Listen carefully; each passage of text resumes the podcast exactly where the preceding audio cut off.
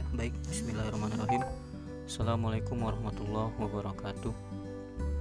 Alhamdulillah, salatu wassalamu ala rasulillah Segala puji bagi Allah subhanahu wa ta'ala Dan juga salawat dan taslim kepada Nabi besar Muhammad sallallahu alaihi wasallam Melanjutkan pertemuan kita Materi kali ini eh, yang akan kita bahas adalah mengenai eh, pengangguran. Pengangguran, masalah pengangguran. Ya kita langsung saja. Di mana uh, kita akan uh, masuk ke mukadimah dulu ya ke pengantar dulu pembukaan. Ya pengangguran ya teman-teman ini merupakan permasalahan yang sampai saat ini ya masih menjadi PR ya bagi pemerintah kita terkhususnya pemerintah pusat ya dan e, pemerintah daerah pada e, khususnya ya Berbagai cara ya untuk mengatasi permasalahan ini itu sudah ditempuh oleh pemerintah. Ya namun memang masalah ini memang masih harus ada ya dan memang terus berkembang dari tahun ke tahun. Nah, jika kita lihat ya dari sisi ekonomi ya, pengangguran ini merupakan produk dari situasi yang di dalamnya telah terjadi ketidakmampuan pasar tenaga kerja ya dalam menyerap angkatan kerja yang tersedia. Bahkan ya terus bertambah antara lain karena jumlah lapangan kerja itu lebih kecil dari jumlah pencari kerja. Kemudian kompetensi pencari kerja ya juga tidak sesuai dengan pasar tenaga kerja. Dan kurang efektifnya informasi pasar tenaga kerja bagi pencari kerja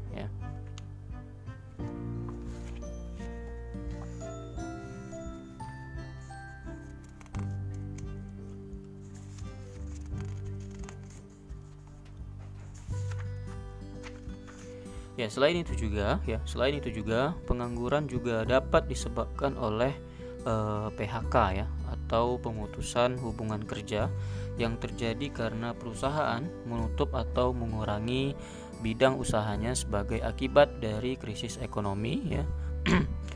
Keamanan yang kurang kondusif ya. Kemudian peraturan yang menghambat investasi dan lain-lain ya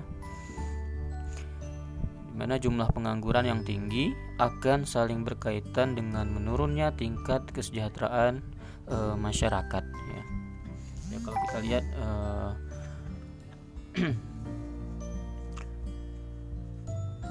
ya kalau kita lihat memang e, masalah pengangguran ini ya di samping hal-hal yang saya sebutkan tadi bisa juga karena hal-hal seperti ya sekarang ini bencana ya seperti adanya uh, virus kemudian pemerintah uh, menghimbau untuk uh, di rumah saja gitu kan. Nah itu juga bisa uh, menjadi sebab ya menjadi alasan uh, jumlah pengangguran itu bertambah karena uh, banyak perusahaan-perusahaan yang kemudian ya tidak bisa bekerja, tidak bisa uh, maksimal dalam menghasilkan uh, apa namanya pendapatan maka dia lebih memilih untuk merumahkan karyawan-karyawannya ya atau malah di PHK gitu. Kemudian kita masuk ke uh, pengertian pengangguran ya, pengertian uh, pengangguran. Ya menurut uh, Badan Pusat Statistik atau PPS ya, dalam indikator ketenaga kerjaan itu pengangguran itu merupakan penduduk yang tidak bekerja ya tetapi sedang mencari pekerjaan atau sedang mempersiapkan suatu usaha baru atau penduduk yang tidak mencari pekerjaan karena sudah diterima bekerja tetapi belum mulai bekerja ya. Itu yang menurut BPS Nah, di pengertian lain ya, pengangguran adalah orang yang tidak bekerja ya, sedang mencari kerja, bekerja kurang dari dua hari selama seminggu, atau seseorang yang berusaha mendapatkan pekerjaan ya. Kemudian eh, definisi lain lagi ya. Definisi ketiga pengangguran adalah masalah makroekonomi yang mempengaruhi manusia secara langsung dan merupakan yang paling berat ya. Jadi bagi kebanyakan orang kehilangan pekerjaan itu berarti penurunan standar kehidupan dan rekanan psikologis Jadi ya, tidaklah e, mengejutkan jika pengangguran menjadi topik yang sering dibicarakan dalam perdebatan politik ya. Dan para politisi itu sering mengklaim bahwa ya, kebijakan yang mereka tawarkan akan membantu menciptakan lapangan kerja.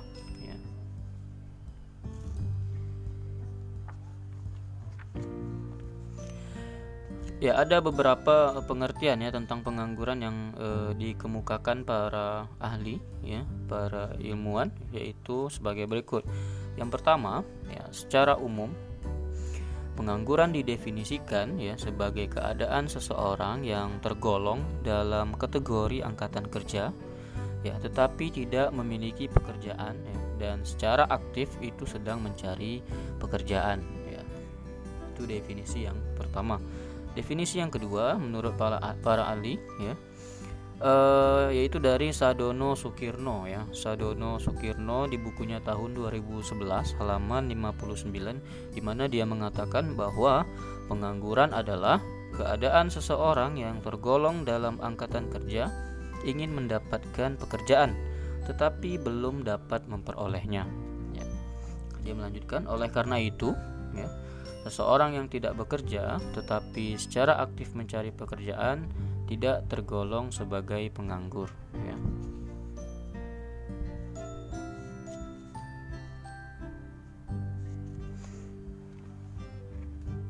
Ya, jadi ter, uh, ada perbedaan ya antara definisi yang pertama dengan definisi yang kedua. Kalau yang pertama itu uh, dia mengatakan ya walaupun dia tidak punya uh, dia aktif mencari pekerjaan maka dia disebut tetap pengangguran ya. Tapi di definisi kedua menurut Sadono tadi uh, walaupun dia tidak bekerja namun dia berusaha untuk mencari pekerjaan maka dia dis tidak disebut atau tidak tergolong sebagai penganggur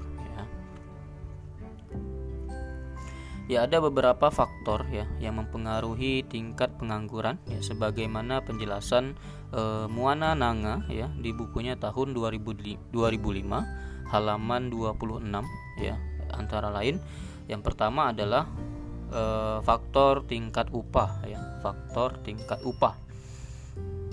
Nah, ini memang memegang peranan yang sangat besar dalam kondisi ketenaga kerjaan di mana tingkat upah yang berlaku yang akan mempengaruhi permintaan dan penawaran tenaga kerja. Kemudian faktor yang kedua, ya, faktor yang kedua adalah teknologi. Faktor teknologi. E, penggunaan teknologi yang tepat guna ya akan mengurangi permintaan tenaga kerja sehingga akan meningkatkan jumlah pengangguran.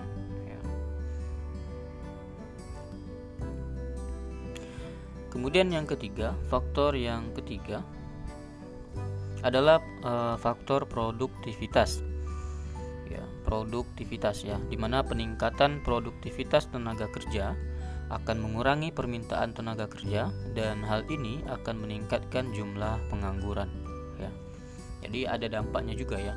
Walaupun baik bagi perusahaan tetapi akan berdampak pada masyarakat yang luas gitu Ya, memang mau tidak mau ini akan terjadi gitu kan. Kemudian faktor yang keempat, faktor yang keempat adalah fasilitas modal itu mempengaruhi permintaan tenaga kerja melalui dua sisi. Ya, mana pengaruh substitusi ya ketika bertambahnya modal itu akan mengurangi permintaan tenaga kerja. Dan pengaruh komplementer yaitu ya bertambahnya modal akan membutuhkan tenaga kerja yang lebih banyak untuk mengelola modal yang tersedia.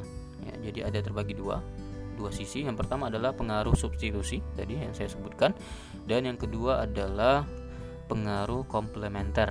Ya, e, dicatat ya teman-teman. Kemudian faktor yang terakhir, faktor yang kelima, ya, yang e, mempengaruhi tingkat pengangguran. Yang kelima adalah struktur perekonomian.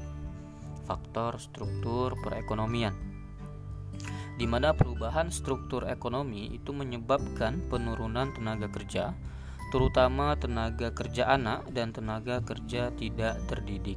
Ya,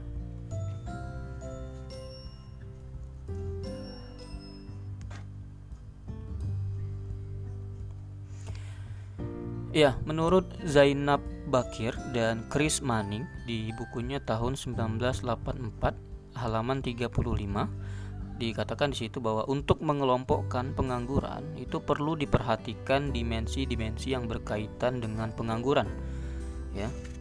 Ada tiga dimensi ya eh, yang dikaitkan ya untuk dapat eh, mengelompokkan pengangguran menurut Zainab Bakir dan Chris Manning ya dimensi yang pertama adalah intensitas pekerjaan ya intensitas pekerjaan. Nah ini yang berkaitan dengan kesehatan dan gizi makanan ya.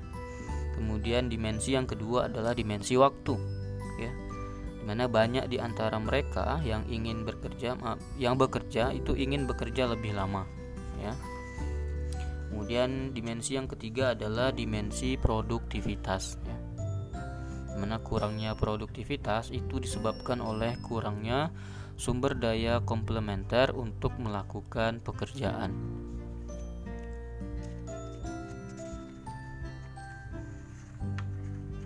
Yaitu eh, eh, pembahasan mengenai pengertian pengangguran ya.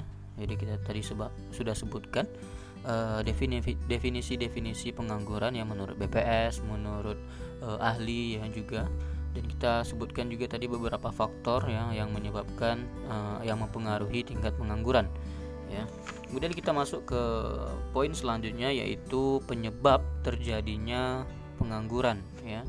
Penyebab terjadinya pengangguran Ya, beberapa faktor yang memang berkaitan terjadinya pengangguran itu sebagaimana yang dijelaskan oleh Yesmil Anwar ya dan Adang di bukunya tahun 2013 halaman 268 ada beberapa penyebab terjadinya pengangguran. Yang pertama adalah inflasi. Yang pertama adalah inflasi. Ya, di dalam perekonomian yang memang sudah sangat maju ini, ya, masalah inflasi ini itu sangat erat kaitannya dengan tingkat penggunaan tenaga kerja.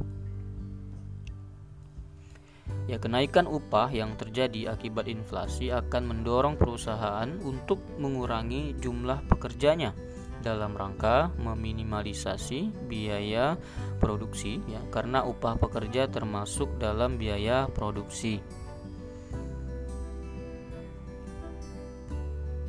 Ya, inflasi ya sebagai indikator ekonomi makro seperti halnya pengangguran itu dapat dikatakan sebagai proses kenaikan harga-harga yang berlaku dalam suatu perekonomian ya. Jadi inflasi itu inflasi itu adalah proses kenaikan harga-harga yang berlaku dalam suatu perekonomian. Inflasi yang tinggi itu mendorong para produsen melakukan efisiensi terhadap industrinya ya di antaranya restrukturisasi ya atau melakukan perampingan organisasi perusahaan yang berakibat semakin meningkatnya jumlah pengangguran. Ya selain itu, ya selain itu, inflasi juga mengakibatkan terjadinya penurunan daya beli masyarakat yang akan mengalami kesulitan untuk memenuhi segala kebutuhannya ya sehingga akan mendorong terjadinya kenaikan upah dan peningkatan upah yang menyebabkan pengusaha itu cenderung beralih pada teknologi padat modal yang berarti mengurangi kesempatan kerja.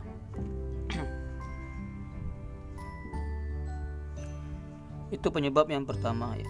Kemudian kita masuk ke penyebab pengangguran atau penyebab terjadinya pengangguran yang kedua yaitu pertumbuhan ekonomi. Ya, pertumbuhan ekonomi itu dapat diartikan sebagai eh, perkembangan kegiatan dalam perekonomian yang menyebabkan barang dan jasa yang diproduksikan dalam masyarakat bertambah ya dan kemakmuran masyarakat meningkat.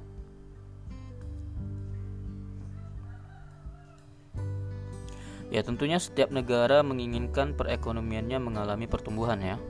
Namun ya dalam mencapai pertumbuhan yang tinggi itu terdapat hambatan-hambatan. Ya. Nah, hambatan utama yang memang dihadapi negara yang sedang berkembang khususnya adalah keterbatasan dana untuk melaksanakan kegiatan pembangunan di negaranya. Kemudian kualitas input tenaga kerja ya, yaitu keterampilan ya, pengetahuan dan disiplin angkatan kerja yang kurang, serta teknologi yang tertinggal.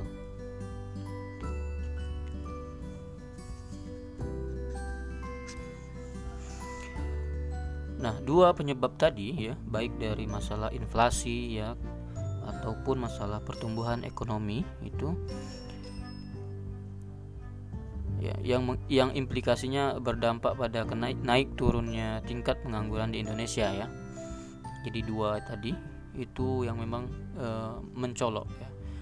Mencolok yang menyebabkan tingginya tingkat pengangguran di negara kita, Indonesia ya di mana efektivitas dari kebijakan yang nantinya akan diambil oleh pemerintah itu akan bergantung pada banyak faktor lain ya di luar wilayah kebijakan penanganan inflasi dan peningkatan pertumbuhan ekonomi karena memang faktor-faktor tersebut sangat mempengaruhi keputusan pemerintah untuk mengambil kebijakan penanganan inflasi dan peningkatan pertumbuhan ekonomi.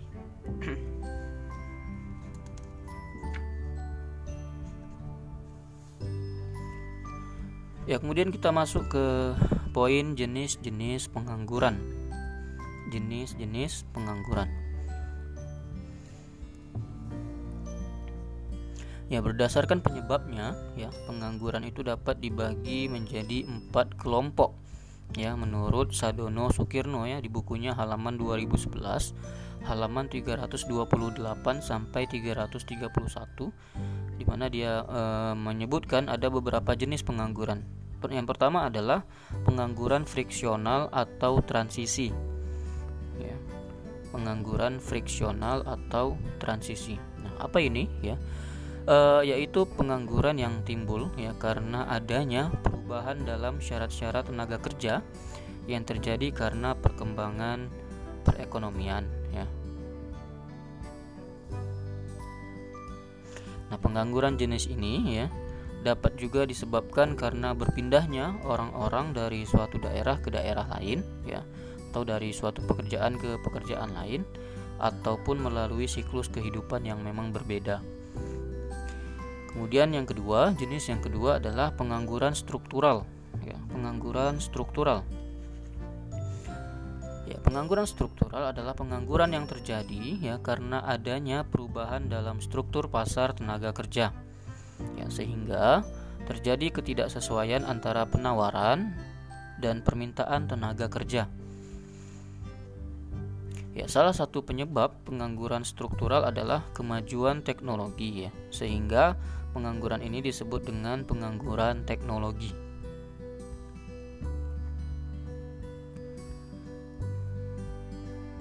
Kemudian yang ketiga adalah pengangguran alamiah. Pengangguran alamiah. Nah, pengangguran alamiah adalah pengangguran yang terjadi pada kesempatan kerja penuh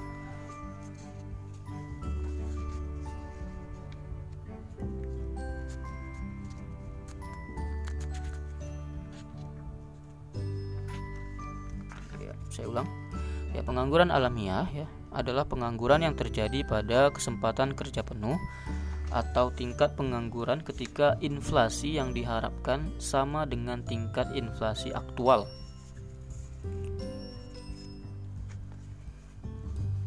Ya, pengangguran alamiah itu terdiri atas pengangguran friksional dan pengangguran struktural ya. Di negara maju, ya, tingkat pengangguran umumnya berkisar antara 2 sampai 3%. Nah, hal ini disebut e, disebut tingkat pengangguran alamiah Tingkat pengangguran alamiah adalah tingkat pengangguran yang e, alamiah dan tidak mungkin dihilangkan. Artinya, jika tingkat pengangguran paling tinggi 2 sampai 3% itu berarti perekonomian dalam kondisi penggunaan tenaga kerja penuh penuh ya atau full employment.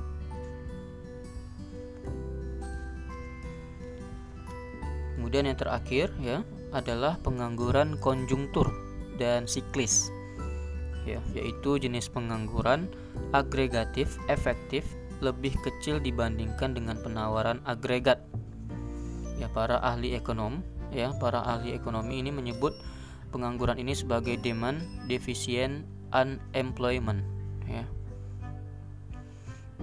Pengangguran ini akan berkurang apabila tingkat kegiatan ekonomi mengalami peningkatan, ya.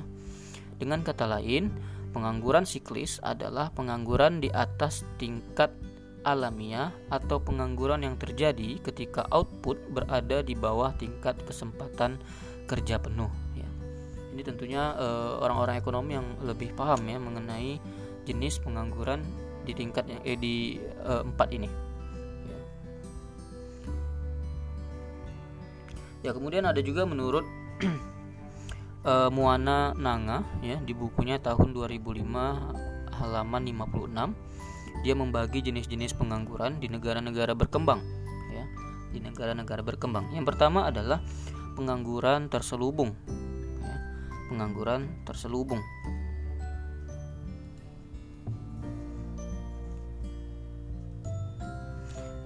di mana disebutkan juga di sini ya pengangguran terselubung ini disebut juga eh, sebagai pengangguran tidak kentara ya sebagai akibat kelebihan tenaga kerja tersebut ya, sebagian tenaga kerja dari kegiatan bersangkutan itu dialihkan ke kegiatan lain. Dan pengangguran terselubung ini banyak ditemukan di negara sedang berkembang ya, terutama di sektor pertanian. Menurut Sumitro Joyo Hadi Kusumo ya di bukunya tahun 94 halaman 70, masalah pengangguran ya secara terbuka ataupun terselubung menjadi pokok permasalahan dalam pembangunan ekonomi negara-negara berkembang. Kemudian yang kedua, ya, jenis yang kedua adalah pengangguran musiman, ya. Pengangguran musiman. Dan pengangguran musiman ini juga banyak ditemukan di sektor pertanian di negara sedang berkembang, ya. ya pengangguran musiman adalah pengangguran yang terjadi pada waktu-waktu tertentu di dalam waktu satu tahun.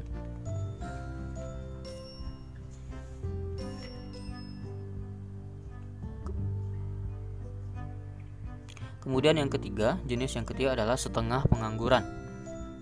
Setengah pengangguran. Ya, kelebihan penduduk di sektor pertanian dan tingkat pertambahan penduduk yang tinggi telah telah mempercepat proses urbanisasi, ya. Mana kesempatan migrasi yang lebih tinggi dari kemampuan kota-kota di negara sedang berkembang untuk menciptakan lapangan kerja baru menyebabkan tidak semua orang memperoleh pekerjaan di kota Ya, hal ini menyebabkan banyak di antara mereka yang menganggur dalam waktu yang cukup lama atau memperoleh kerja dengan waktu yang lebih rendah dari jam kerja seharusnya. Di mana pengangguran jenis ini itu disebut dengan setengah pengangguran, ya.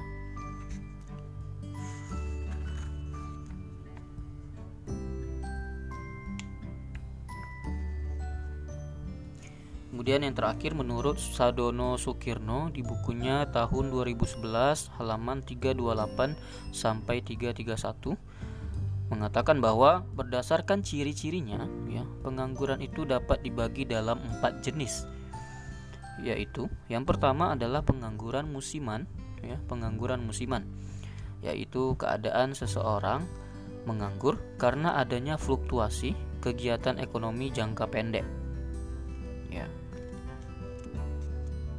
Contoh ya, petani yang e, menunggu musim tanam ya atau tukang e, jual durian ya yang menantikan musim durian dan lain sebagainya ya. Jadi musiman, tunggu musim gitu kan.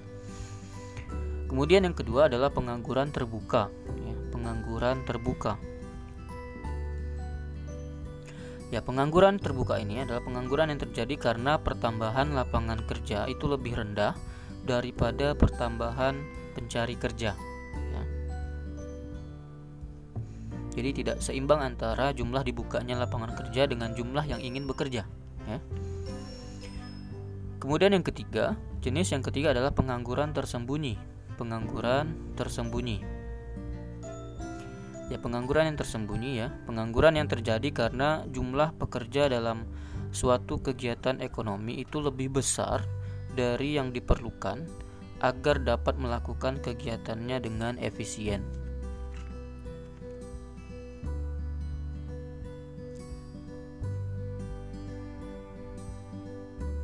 Kemudian yang keempat adalah setengah menganggur ya. Jenis yang keempat adalah setengah menganggur yaitu pekerja yang jam kerjanya di bawah jam kerja normal atau biasanya hanya 14 jam sehari Nah, juga disebut sebagai underemployment ya. Jadi itulah pembagian-pembagian dari jenis-jenis pengangguran ya. Ada yang berdasarkan penyebabnya ya, yang pertama tadi. E, kemudian e, berdasarkan e, jenis pengangguran di negara-negara berkembang ya. Kemudian ada juga e, pengangguran jenis-jenis pengangguran berdasarkan ciri-cirinya ya. Saya rasa itu saja yang bisa ada, uh, saya sampaikan pada materi kali ini. Terima kasih ya, pada teman-teman yang bersedia mendengarkan podcast ini dari awal hingga akhir. Mohon maaf apabila dalam penyampaiannya terdapat kata-kata yang keliru atau dapat uh, penyampaian-penyampaian yang terdapat penyampaian-penyampaian uh, yang keliru baik yang disengaja atau baik yang saya sadari maupun yang tidak saya sadari. Uh, saya akhiri dengan bila hitofik walidayah. Oh ya, semoga apa yang saya sampaikan ya, yang sedikit ini, yang sebentar ini dapat menjadikan tambahan pengetahuan ya, tambahan ilmu untuk teman-teman ya, e, dan dipahamkan ya e, dengan penyampaian saya ini. Saya akhiri dengan bila hitofik walidayah. Assalamualaikum warahmatullahi wabarakatuh.